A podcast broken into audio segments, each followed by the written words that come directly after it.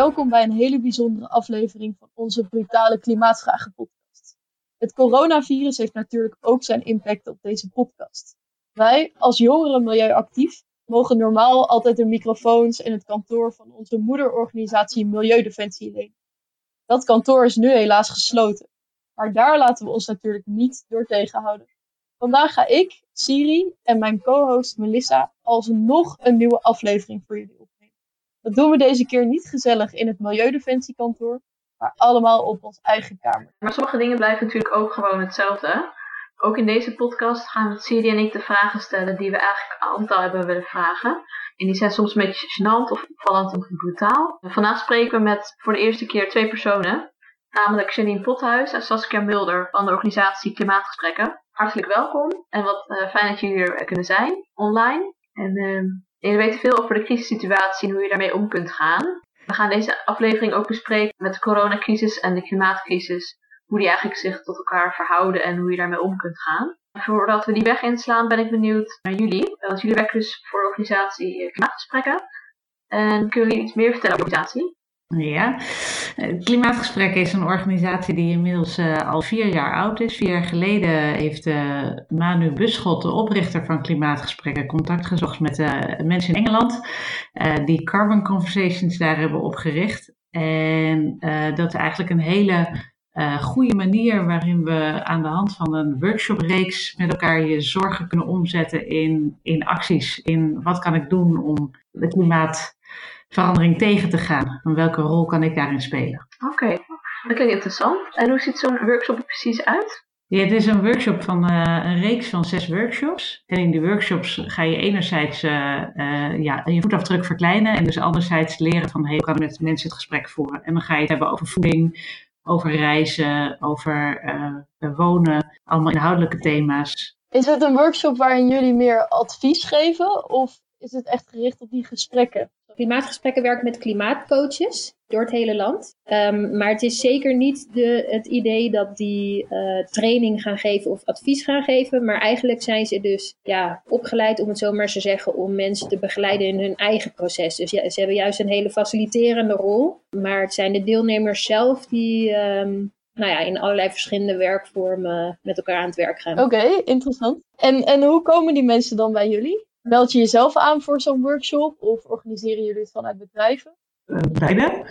Uh, mensen melden zichzelf aan. Uh, en we doen het ook in organisaties, maar over het algemeen is het uitgangspunt wel dat de mensen vrijwillig aansluiten. Dus ook zich zorgen maken en denken: ik wil nu ook echt iets doen, maar ik weet niet hoe. En dat zijn de mensen die bij ons, zich bij ons inschrijven. En wat, en wat voor doelgroep is dat? Zijn het voornamelijk jonge mensen of is het heel divers? Ik denk dat het best wel divers is. Klopt, ik vind, het, ik vind eigenlijk het mooie uh, wat gebeurt is dat het over het algemeen echt gemengde groepen zijn. Uh, met alle generaties in een groep. En eigenlijk is dat juist heel erg leuk. Dat ze, die twee, uh, dus dat je niet alleen met jongeren bent en niet alleen met ouderen bent, maar dat je eigenlijk ervaart dat het bij iedereen in elke leeftijdscategorie een vraagstuk is. en dat dat vraagstuk zich weer op andere manieren uit. Nou, nu hebben we een beetje een eerste beeld van wat jullie organisatie Klimaatgesprekken inhoudt. Uh, maar wij hebben jullie natuurlijk benaderd voor deze podcast met een reden. Um, omdat wij eigenlijk de laatste weken weer heel erg aan het denken werden gezet.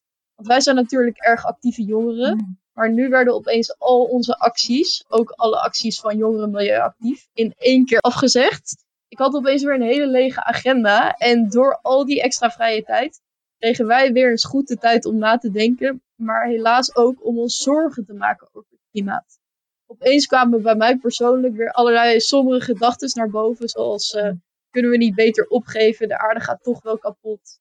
Um, ja, herkennen jullie dat soort gevoelens? Horen jullie dat vaker tijdens jullie workshops? Ja, ja, dat is heel, heel herkenbaar, die gevoelens. En wat er, wat er gebeurt is uh, een van de dingen waarin ik... Ik vind het klimaat heel belangrijk en bezig zijn met klimaatverandering.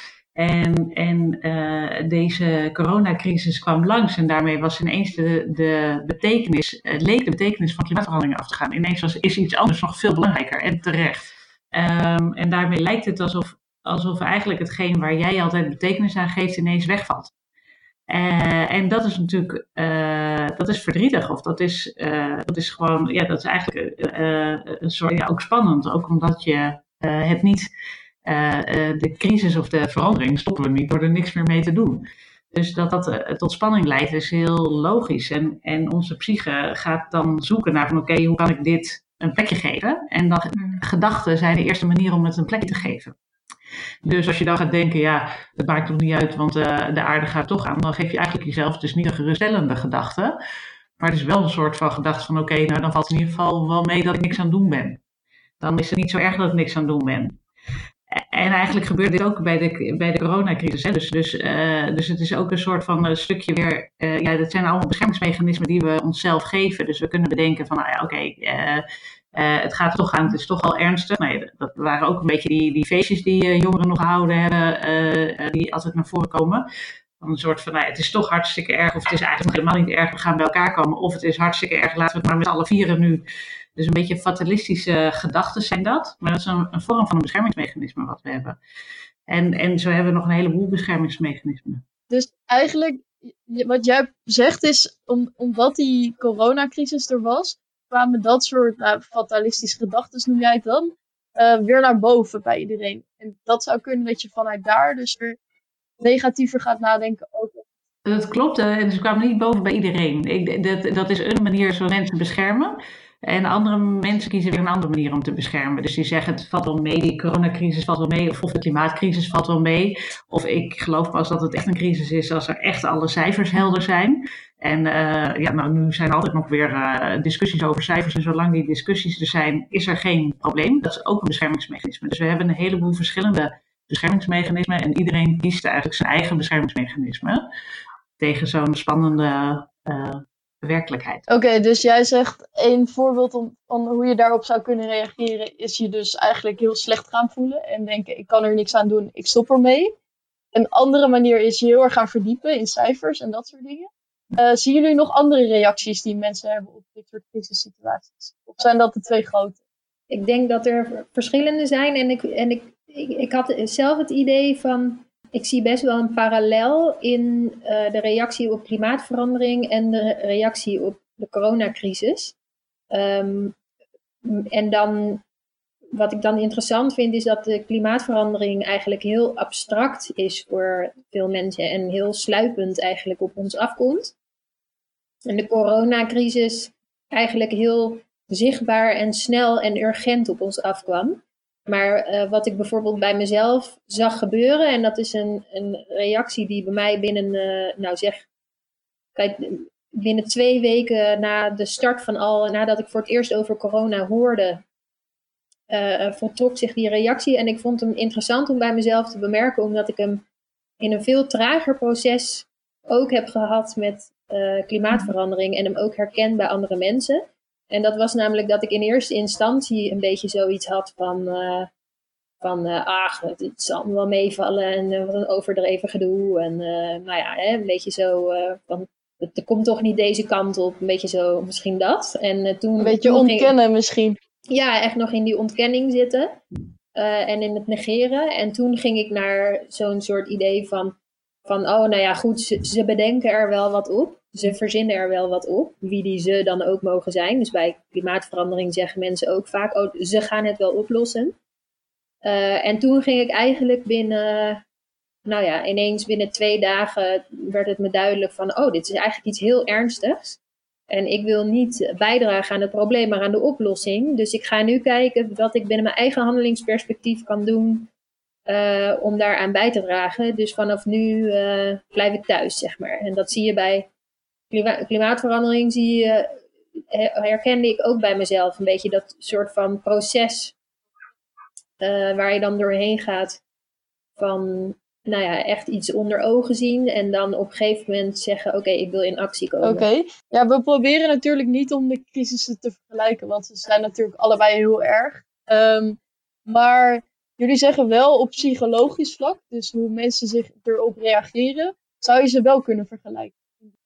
Nou, maar ik vind eerlijk gezegd, uh, maar dat, dat is van mijn persoonlijke mhm. mening, ik vind eerlijk gezegd dat je ze best kunt vergelijken. Dat je daarmee niet uh, de ene minder erg maakt of de ander de, dan de ander, zeg maar. Het zijn, het zijn allebei zijn het crisis en allebei overkomen ze ons en allebei willen we, voor allebei willen we graag doen wat we kunnen om ze te voorkomen. Ik denk zelfs dat het juist nu in een coronacrisis wel slim is om zo te handelen dat je die andere grote crisis, zeg maar, de klimaatcrisis, alvast meeneemt in, uh, in je keuzes en, en beslissingen. zowel op individueel niveau als op groot uh, bedrijvenniveau of, of politiek beleid.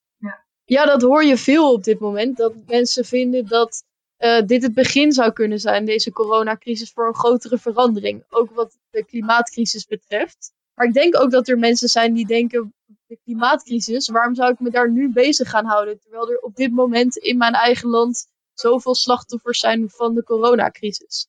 Dus uh, ja, Saskia, jij pleit dus eigenlijk voor, nou, laten we twee vliegen in één klap staan en ze allebei tegelijk aanpakken. Hoe reageren jullie op mensen die zeggen, nee, ik uh, ga me nu echt geen zorgen maken over het klimaat hoor. De coronacrisis is nu urgenter. Ik denk dat dat ook heel terecht is. Dus uh, we zitten allemaal in een ander schuitje op dit moment. En sommige mensen zitten met drie kinderen thuis, vijf hoog. Uh, uh, heel dicht op elkaar. En natuurlijk hebben die geen tijd om over andere dingen na te denken dan hun kinderen thuisschool te geven en tegelijkertijd ook nog te proberen hun werk ergens tussendoor te doen. Um, en er zijn mensen die met hun handen aan het bed staan en heel hard aan het zorgen zijn voor mensen die ziek zijn op dit moment. Die mensen wil je helemaal niet lastigvallen met iets wat gaat over het klimaat. En tegelijkertijd zijn er een aantal mensen die eigenlijk de ruimte hebben omdat ze eh, minder reistijd hebben, een deel van hun werk misschien is weggevallen. Um, uh, en die dit ook een onderwerp vinden waar ze altijd al mee bezig zijn, die nu de ruimte hebben om ook erover na te kunnen denken hoe je juist nu slimme keuzes maakt voor een gezonde toekomst op de lange termijn. en het is dus een en-en. Het is geen of-of. Alleen belangrijk is dat je wel de juiste mensen uh, uh, laat doen waar ze goed in zijn en wat ze kunnen. Dus niet iedereen ja. belasten met dit vraagstuk nu. Maar vooral ja. dat overlaten aan de mensen die daar de ruimte voor hebben. Oké, okay, dus wat jij zegt is eigenlijk nou, die mensen die aan de frontlinie staan op dit moment, laat die vooral lekker focussen op de coronacrisis. Maar er zijn ook een heleboel mensen die meer tijd krijgen. En laten zij dan vooral ook gaan nadenken over de klimaatcrisis en andere langetermijncrisissen. En uh, hoe denken jullie dat we dat voor elkaar zouden kunnen krijgen om nu die mensen die dus extra vrije tijd hebben aan het denken te zetten? Want dat is ook eigenlijk het doel van jullie organisatie. Hebben jullie daar een stappenplan voor? Hoe, hoe gaan we dat doen? Hmm, goeie vraag. Ik denk en ik hoop deels dat het automatisch al een beetje gebeurt. Want ik heb het idee dat uh, iedereen op elk niveau eigenlijk nu een beetje gedwongen wordt om tot een soort verstilling te komen. En dan ga je überhaupt meer nadenken over. Iedereen wordt een beetje gedwongen teruggebracht tot de essentie. Dus hopelijk leidt dat ook ertoe dat ja, mensen toch gaan kijken van goh, hoe kunnen we nou nu keuzes zo gaan maken dat we dit soort crisis, hè, zowel corona als klimaatcrisis, uh, gaan voorkomen in de toekomst. Um, en ik denk ook, ja, er is natuurlijk net bijvoorbeeld een manifest uitgekomen van uh, 170 wetenschappers die zeggen van ja, het is eigenlijk een een blunder als we niet uh, groener uit de coronacrisis uh, komen, zeg maar, die daarmee ook naar de politiek zijn gegaan. Dus ik denk dat er, um, kijk, je, je kunt, er zijn een heleboel mensen die hebben helaas niet politieke invloed. Dus als ik bijvoorbeeld naar mezelf kijk, ja, ik kan uh, stemmen en ik kan mijn mening laten horen en kan misschien petities ondertekenen dat soort dingen. Maar uh, ik zit helaas niet bij Mark Rutte aan tafel bijvoorbeeld. Maar er zijn ook een heleboel mensen die direct of indirect meer politieke invloed hebben. En ik denk dat die nu wel uh, ook bezig zijn met die invloed uit te oefenen.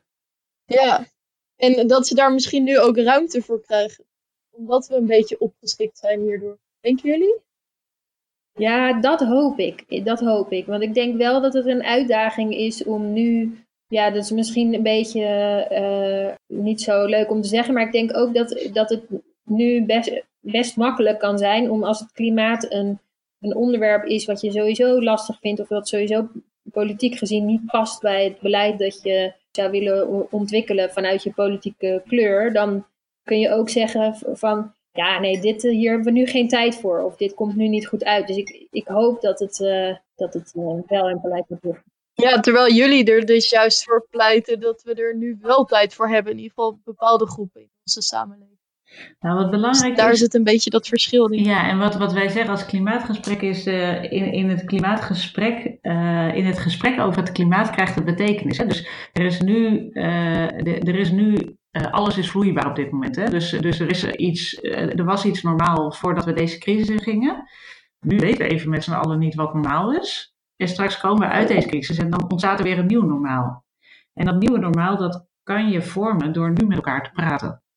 Dus als je nu met elkaar het gesprek aangaat over wat vind jij nou belangrijk? Wat is voor jou de essentie? Wat, hoe zie jij dan een gezonde toekomst voor je? Uh, en dat kan je op elk niveau, dat kan iedereen nu al doen. Een gesprek met iedereen aangaan, wat gaat over, joh, um, kijk, heel veel mensen hoor ik zeggen van, oh ja, in juni, als straks alles voorbij is, dan gaat het leven weer gewoon door zoals het is.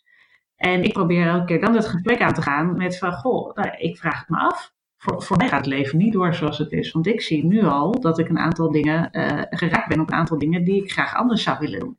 En misschien heeft iedereen dat wel, heb jij dat dan niet?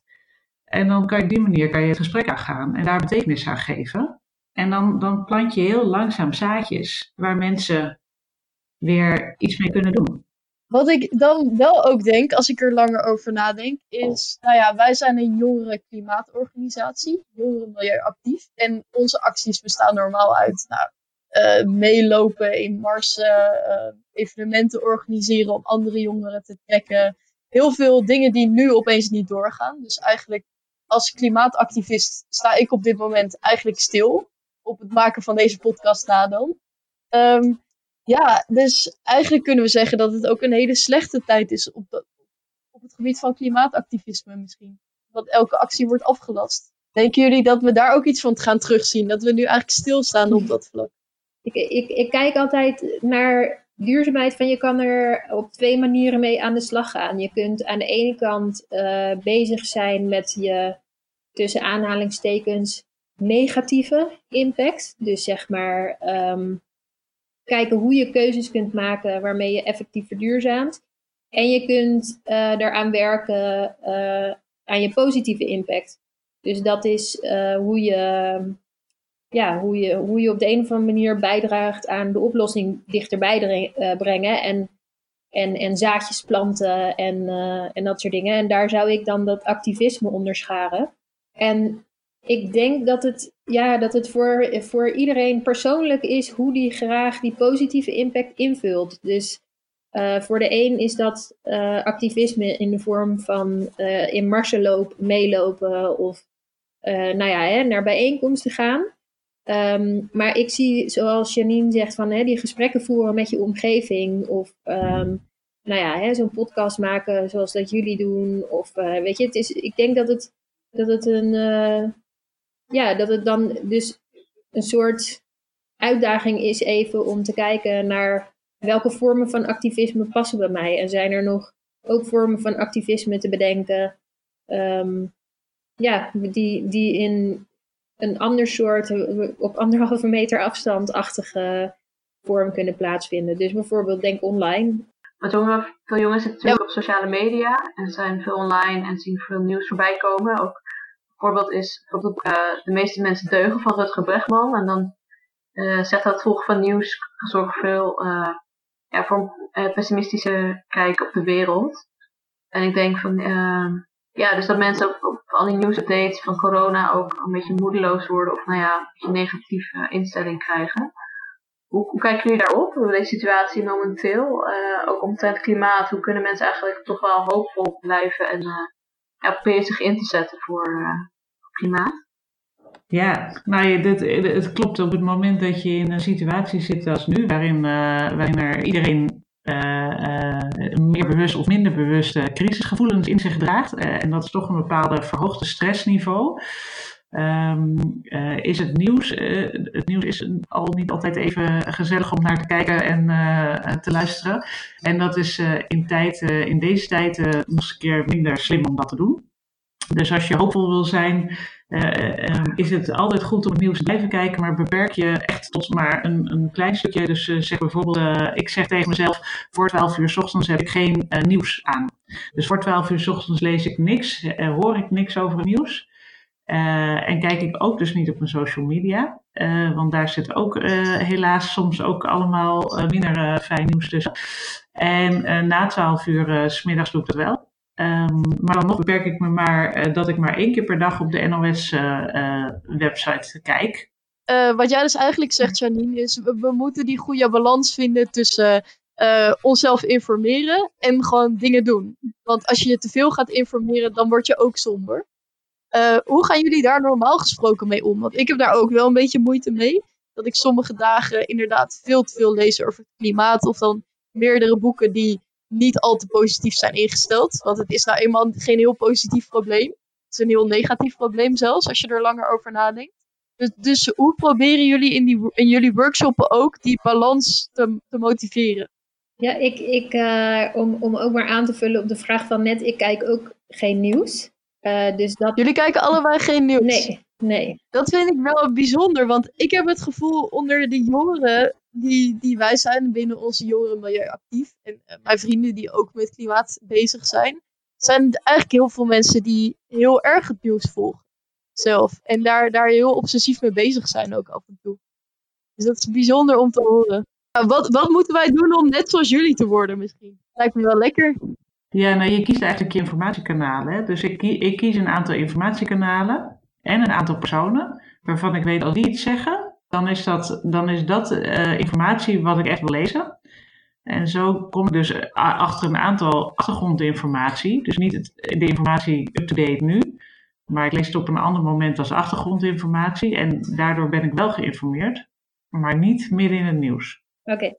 Nou, nou, misschien, misschien om, om uh, het, af te maken, is dat um, je, er, er is zo'n, je hebt zo'n model van Stephen Covey. Die, uh, als je deze podcast aan het luisteren bent, dan kun je hem even googlen. Hij heet uh, Cirkel van Invloed en Cirkel van Betrokkenheid. En het zijn eigenlijk twee cirkels. En de buitenste, buitenste cirkel, dat is je cirkel van betrokkenheid. En dat zijn allerlei dingen waar je op de een of andere wel uh, bij betrokken bent en dus gevolgen van ondervindt. Dus bijvoorbeeld een coronacrisis of een klimaatcrisis, maar waar je niet direct invloed op hebt. En uh, de binnenste cirkel, dat is je, je cirkel van invloed. En die cirkel, daarin zitten allerlei dingen waar je wel direct invloed op kunt uitoefenen, die echt binnen jouw invloedssfeer zitten. En wat ik altijd probeer te doen, is eigenlijk te kijken van wat kan ik nou binnen die cirkel van invloed, dus die binnenste cirkel doen, om toch op de een of andere manier iets bij te dragen aan die dingen in die buitenste cirkel. Uh, en dus kijk ik heel erg naar wat is nou mijn eigen handelingsperspectief hierom. En daardoor, door daarmee aan de slag te zijn, voel ik me dan ook hoopvoller en positiever. En uh, met het, zoiets als het kijken of het lezen van nieuws, dan krijg ik een heleboel informatie op me af, waar ik me vervelend over ga voelen. Uh, en heel vaak zijn het dingen waar ik niks aan kan doen. En dan ga ik me er eigenlijk alleen maar nog vervelender over voelen. Want ja, het is ver weg of uh, um, het is iets heel groots of ik, kan het niet in mijn eentje oplossen. Dat zijn allemaal dingen die, uh, waar ik me zwaarder van ga voelen. En als ik me zwaarder ga voelen, dan ga ik ook meestal minder in actie komen juist. Terwijl als ik heel erg kijk naar wat zit er nou binnen mijn cirkel van invloed en wat kan ik dus, uh, wat zijn nou dingen die ik in mijn dagelijks leven wel kan doen. Dus bijvoorbeeld die podcast beginnen of die petitie ondertekenen of duurzame keuzes maken of dat gesprek voeren. Ja, dan ben ik dus en bezig met de oplossing en, uh, en ik voel me daar ook uh, ja, positiever. Wat denk ik ook bij veel mensen wel speelt, is dat vaak een gevoel van je heel erg zorgen ergens over maken, of een gevoel van heel goed geïnformeerd zijn, dat kan je ook een gevoel geven van actief zijn. Dus als ik maar alles hierover lees en als ik maar heel goed geïnformeerd ben, als ik me maar heel erg zorg hierover maak, dat, dat kan dan bijna voelen als nou, dat je er heel erg mee bezig bent. Terwijl, ja, eigenlijk, eigenlijk zou je bijna kunnen zeggen van die, die energie kun je dan beter steken in, uh, nou ja, hè, gewoon binnen je eigen handelingsperspectief, binnen je eigen invloedssfeer echt bezig zijn. En ja, als ik puur naar mezelf kijk, bijvoorbeeld, ja, ik heb ook alle. De, voor mijn werk moet ik ook weten hoe het nou zit met klimaatveranderingen. Dus dan moet je je verdiepen in dat probleem. Um, alleen ik, ik ben al in actie. Dus ik hoef niet meer de hele tijd die feiten op me af te krijgen om in actie te komen. Ik weet het wel. Dus daarom kies ik er soms bewust voor om het maar even uh, over te slaan omdat het me, om, om het me niet erdoor te laten verzwaren, zeg maar. Is dat ook hoe jullie nu met de coronacrisis omgaan? Dus ook heel erg uh, wees van wat kan ik wel doen. Dus jullie volgen het aantal doden dan niet per, per dag? Nee, ik heb geen enkel idee. Je hebt geen enkel idee. Ja, en, en wat, dat vind ik wel heel interessant. Ja, maar maar uh, Cindy, dan vraag ik me af, volg jij dat wel? ja, maar ik, ik merk wel dat ik heel erg inderdaad de NOS-app bekijk. En dat ik echt mijn telefoon weg moet leggen als ik me even wil concentreren en dat niet wil doen. En wel heel erg, ik herken me wel in dat je dan inderdaad door je te informeren denkt van, ja, nu ben ik beter op de hoogte, dus nu, nu kan ik er ook beter wat aan doen. Maar sommige dingen kun je natuurlijk niks aan doen. Dat wat je ook wel verhoord van de jongeren. Nee, volgens mij mooi. De, uh, ik herken hem uh, dat hij voor mij, dus, dus als ik uh, heel veel nieuws lees, dan, dan ontstaat er bij mij ook een gevoel van in actie komen. Maar dat is vaak in actie komen vanuit een bepaalde boosheid of vanuit een bepaalde frustratie. En ehm, ik heb gemerkt dat als ik dan in actie kom, dat dat niet de actie is die door anderen um, opgepakt wordt. Uh, omdat anderen voelen dat daar een boosheid en een frustratie over zit. En dan raak ik in een soort van overtuiging. Dan wil ik mensen gaan overtuigen dat ik gelijk heb en dat ik het gelezen heb. En, uh, dus dat is de reden, een van de redenen waarom ik inderdaad het nieuws, de informatie wel tot me neem, maar niet het nieuws continu tot me neem. Um, omdat ik denk, ja, ik wil juist vanuit het verhaal wat Saskia net vertelde over de cirkel van invloed, vanuit mijn eigen kracht, vanuit mijn eigen uh, mogelijkheden en vanuit een positieve drive uh, invloed uitoefenen. Ja, ik, ik wou eigenlijk vragen van, is het dan niet beter soort van om, om je wel zorgen te maken? Dus is dat eigenlijk niet handiger voor ons? Omdat je ja, dan ik weet niet of je van je zorgen maken, uh, of je daarvan lekker tot handelen komt. Volgens mij is, is volgens mij kan je zorgen maken wel leiden tot het bewustzijn dat je misschien nodig hebt om tot handelen te komen. Dus um, ik heb me bijvoorbeeld in het begin ook, ben ik me, toen ik merkte van, oh, dit is eigenlijk hoe het eraan toe gaat en dit is eigenlijk hoe urgent het is, heb ik me heel erg zorgen gemaakt en vervolgens ben ik in actie gekomen en nu, uh, grappig genoeg, terwijl ik er nu dagelijks mee bezig ben, uh, maak ik me juist veel minder zorgen dan toen. Um, dus ik, ik weet niet of het heel fijn is om uh, in actie te komen en je altijd maar elke dag zorgen te blijven maken. Op een gegeven moment moet je denk ik ook uit een soort zelfbescherming ervoor zorgen uh, ja, dat je minder mee bezig bent. Ja, maar nu zit ik zelf nog wel af en toe met het gevoel van, nou doe ik wel genoeg? Uh, dus hoe gaan jullie daarmee om? Je kunt natuurlijk altijd meer doen. Ik herken, ik herken ontzettend dat, uh, dat het natuurlijk uh, is er heel veel te doen. Um, en natuurlijk um, kan dat leiden tot dat je denkt dat jij dat dan allemaal moet doen. Um, en daarmee een overvraag aan jezelf ontstaat. En ergens merk ik dat zodra er dat bij mij ontstaat, dan zit daar eigenlijk onder dat ik uh, mezelf te weinig ruimte heb gegeven om uh, mijn emoties te reguleren. Dus meestal ben ik dan of heel verdrietig, of maak ik me ontzettend zorgen, of ben ik toch heel boos omdat de regering iets gedaan heeft. En dan ga ik soort van gedisciplineerd heel hard uh, vooruit en dan, dan bijt ik mijn tanden erin, zonder dat ik goed voor mezelf zorg. En uiteindelijk, als we goed voor deze aarde willen zorgen, start het bij dat ik ook goed voor mezelf zorg. En, ja. en ik geloof er heel erg in dat we uiteindelijk uh, dit met z'n allen uh, moeten doen. Dus, dus, dus zodra ik harder bijt en in mijn eentje heel hard ga rennen, dan denk ik ook van, oh ja, dat is niet handig. Want um, uh, het belangrijkste is dat ik de anderen meeneem en dat ik blijf inspireren en mensen blijf motiveren om samen in actie te komen. In plaats van dat ik in mijn eentje achter mijn computer nog heel hard twee uur s'nachts iets denk te doen. Ja, wat goed is. dus maak je zorgen, maar, maar niet te veel. Jullie pleiten eigenlijk heel erg om vooral ook positief te blijven in de klimaatcrisis. Um, kan ik het zo verwoorden? Ja, omdat ik echt denk dat, dat uh, daar zit echt, uh, uh, nee, dat, dat, dat brengt, als je telkens negatief nieuws binnenbrengt, dat geeft je geen positieve en hoopvolle input. Veel slimmer is het om juist te gaan zoeken naar wat kan ik wel doen. Wat past bij mij om nu aan te gaan pakken. En dat kan zo'n podcast zijn waar jullie voor gekozen hebben bijvoorbeeld. Maar dat kan ook zijn, ehm, ik ga koken voor de buurvrouw. Of ik ga boodschappen doen voor, voor vrienden. En zo kan je voor jezelf die afweging maken om ook echt iets betekenisvol te gaan doen. wat past in het nu. En dat kan zowel op duurzaamheid, maar dat kan ook op andere vlakken. Gewoon iets waar jij denkt van hé, hey, dat geeft mij nu betekenis en daar heb ik een rol en daar kan ik waarde toevoegen. Ja, interessant. Wat ik wel ook vind is, wat vaak, dus jullie zijn heel erg bezig met meer mensen betrekken bij het klimaatprobleem. Uh, met jullie workshops bijvoorbeeld. Ga je mensen die misschien nu nog niet zoveel doen, stimuleren om meer te doen. Uh, ik krijg dan heel vaak de neiging om te beginnen met, nou, hoe erg is het? Want als het heel erg is, dan gaan ze wel rennen, zeg maar. Hoe, hoe voorkomen jullie dat, dat je het zo aanpakt?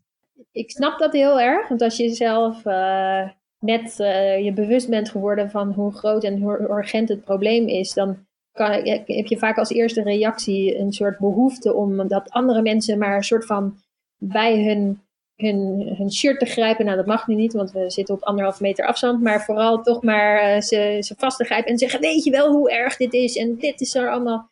Alleen, ja, doemscenario's is iets waar mensen uh, eerder van in ontkenning gaan, of in de weerstand gaan, of liever hun kop in het zand steken.